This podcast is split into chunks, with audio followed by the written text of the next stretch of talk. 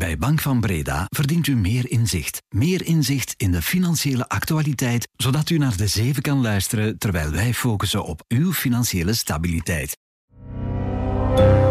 Welkom bij de zeven van de tijd. Elke dag om 7 uur onze blik op de zaken in 7 punten. Dit is Bert Rijmen. Goedemorgen. De vakbonden bij Audi Brussels krijgen te horen dat de fabriek in Vorst de productie van haar enige model, de Q8 e-tron, verliest. Als ze geen nieuw model binnenhalen, zijn er jobs in gevaar. België wil de Russische miljarden die door de westerse sancties bevroren zijn, gebruiken als onderpand om het herstel van Oekraïne te betalen. Komt er met dat compromisvoorstel een einde aan een maandenlange discussie. En de Gentse neuzekes van confiserie Geldhof worden overgenomen door de Brusselse suikerbakkerij Joris. Aan ambitie geen gebrek, ze willen met dubbele cijfers blijven groeien. Het is dinsdag 6 februari. Welkom. De zeven van de tijd. 1. Audi Brussels raakt de productie kwijt van de Q8 e-tron. Dat is onze redactie via de vakbonden te weten gekomen. Over drie jaar, als de populaire SUV vernieuwd wordt, zal de elektrische wagen niet meer in Vorst worden gebouwd, maar waarschijnlijk in China en Mexico. Aangezien de Q8 e-tron het enige model is dat hier van de band rolt, moet er dringend een nieuw model gezocht worden, anders is het einde verhaal. In Vorst werken 3000 vaste medewerkers en 500 mensen met een tijdelijk contract. Gisteren was er overleg tussen de directie en de vakbonden. Daar hebben de bonden het nieuws te horen gekregen, maar naar de buitenwereld wil de directie het nog niet bevestigen of ontkennen.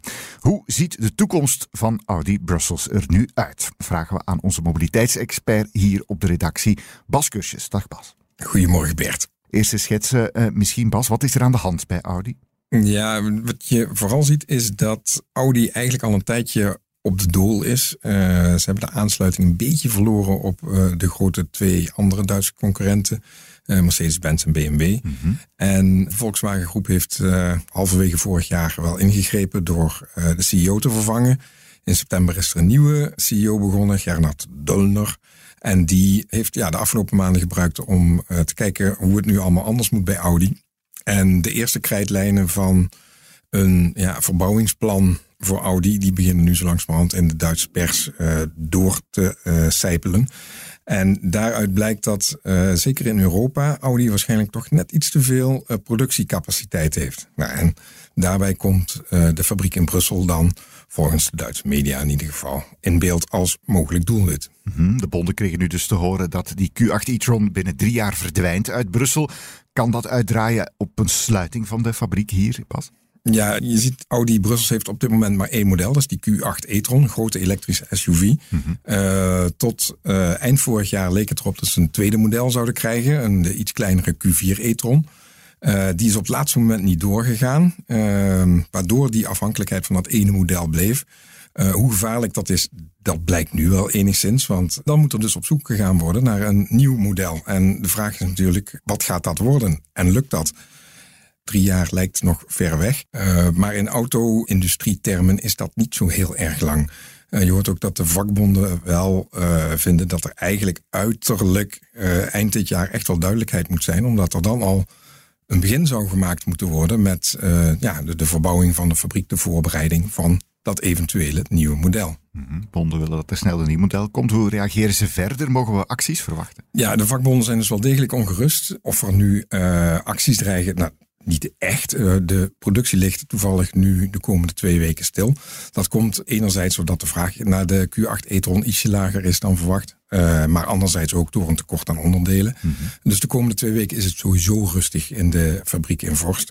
Maar uh, het is wel duidelijk dat de vakbonden toch wel willen dat de directie in ieder geval heel duidelijk maakt dat ook op de korte termijn er eigenlijk niks te vrezen is. Hopelijk dus daar snel duidelijkheid. Dankjewel Bas.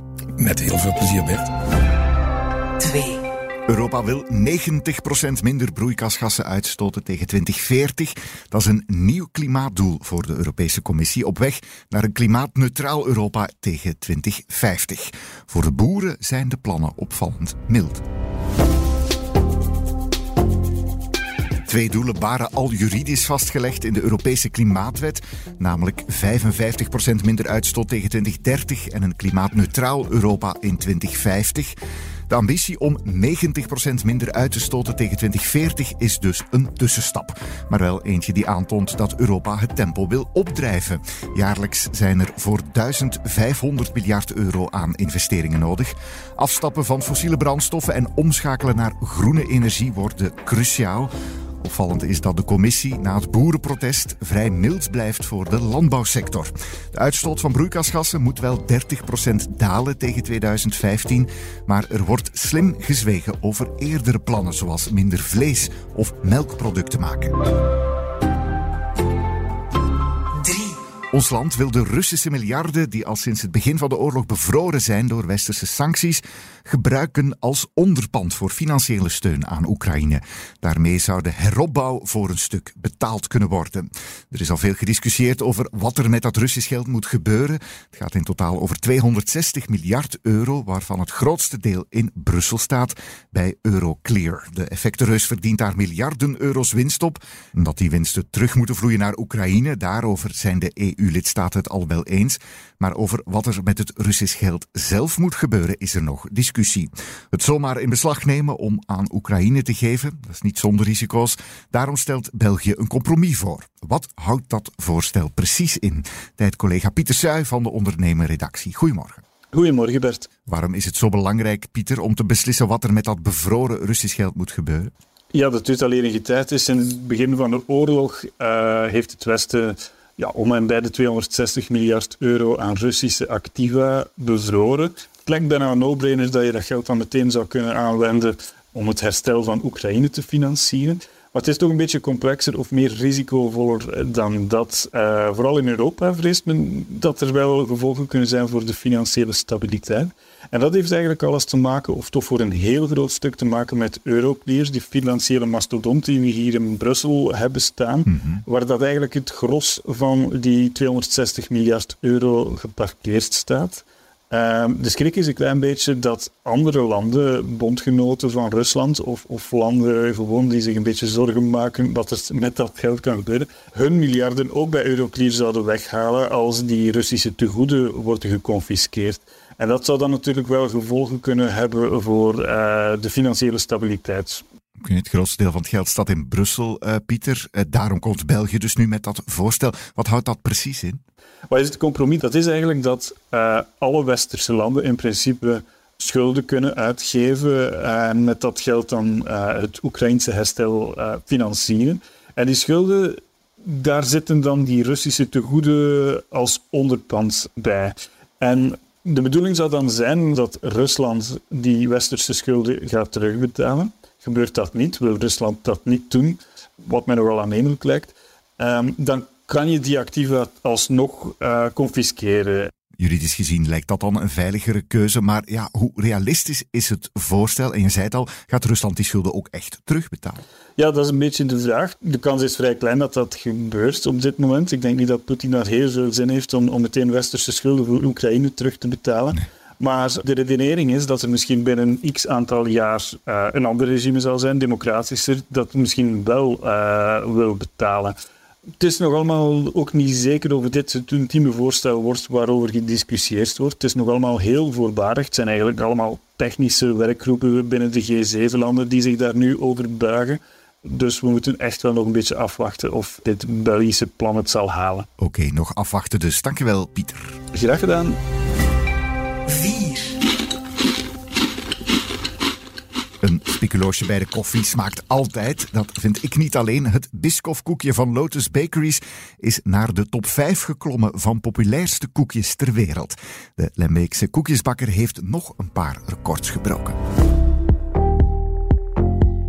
Lotus heeft vorig jaar de kaap van 1 miljard euro omzet gehaald. Een stijging is dat van maar liefst 21 procent.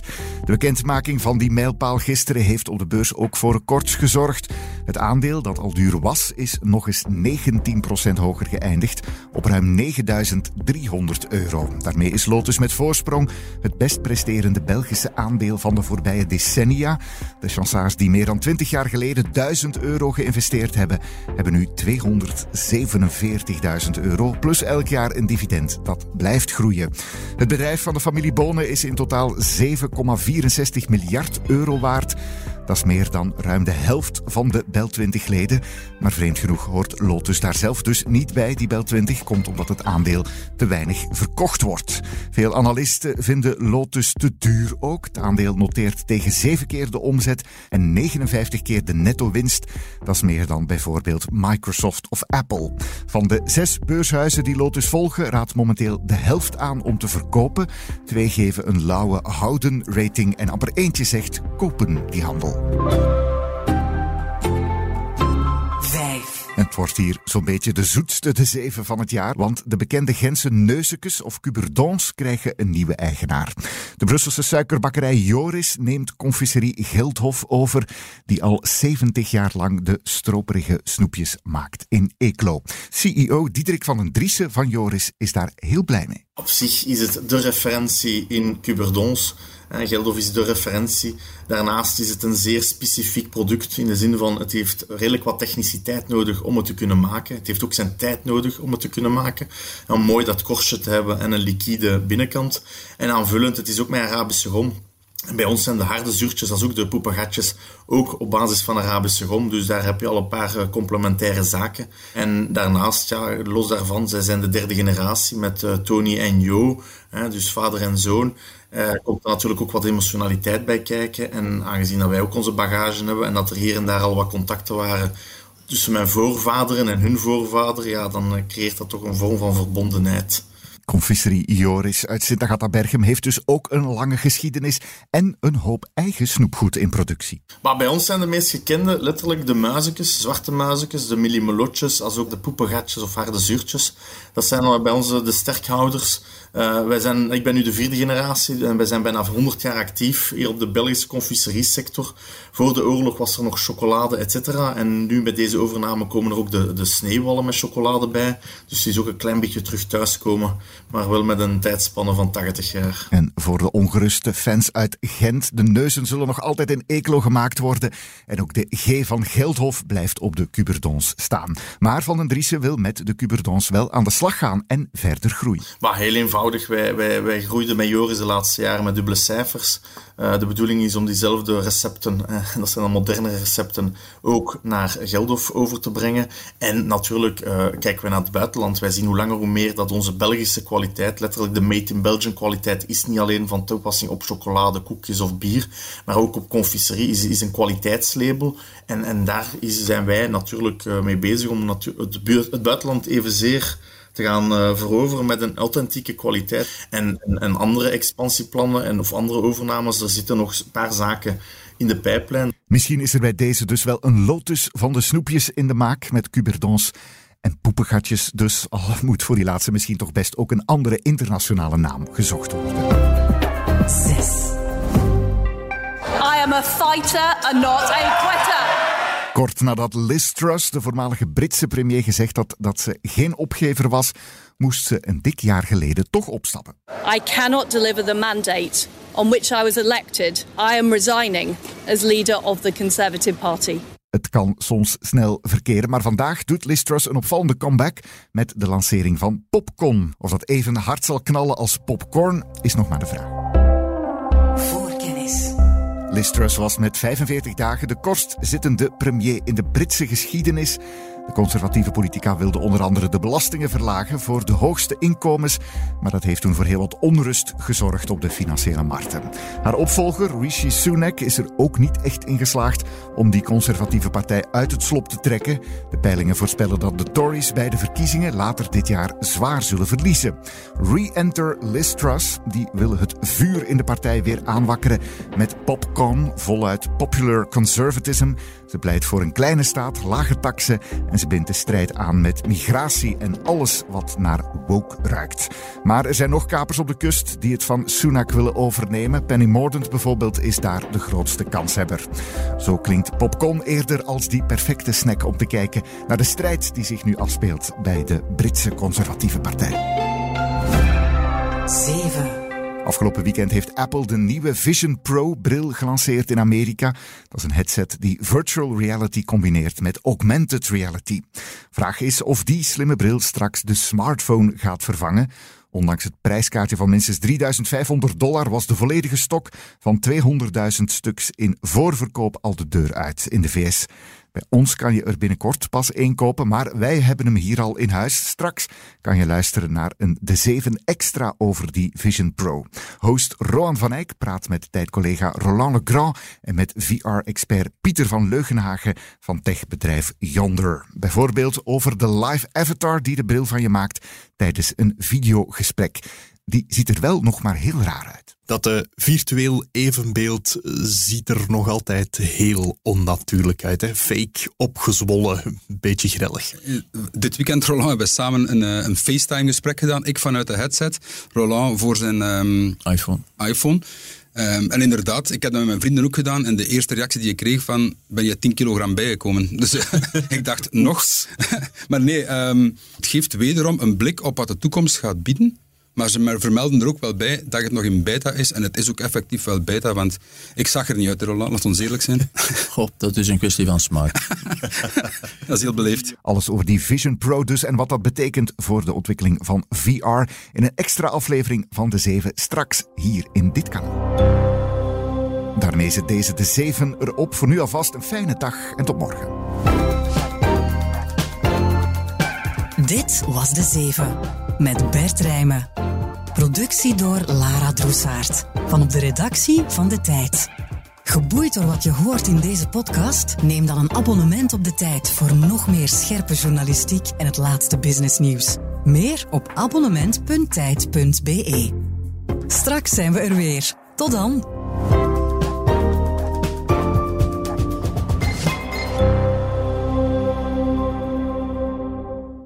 U verdient meer partners. U verdient meer zakenpartners. U verdient meer zakenpartners, zoals Bank van Breda. Zodat u echt tijd kan maken voor uw levenspartner. Ook u verdient meer Bank van Breda. Professioneel en privé. Bank van Breda. Enkel voor ondernemers en vrije beroepen.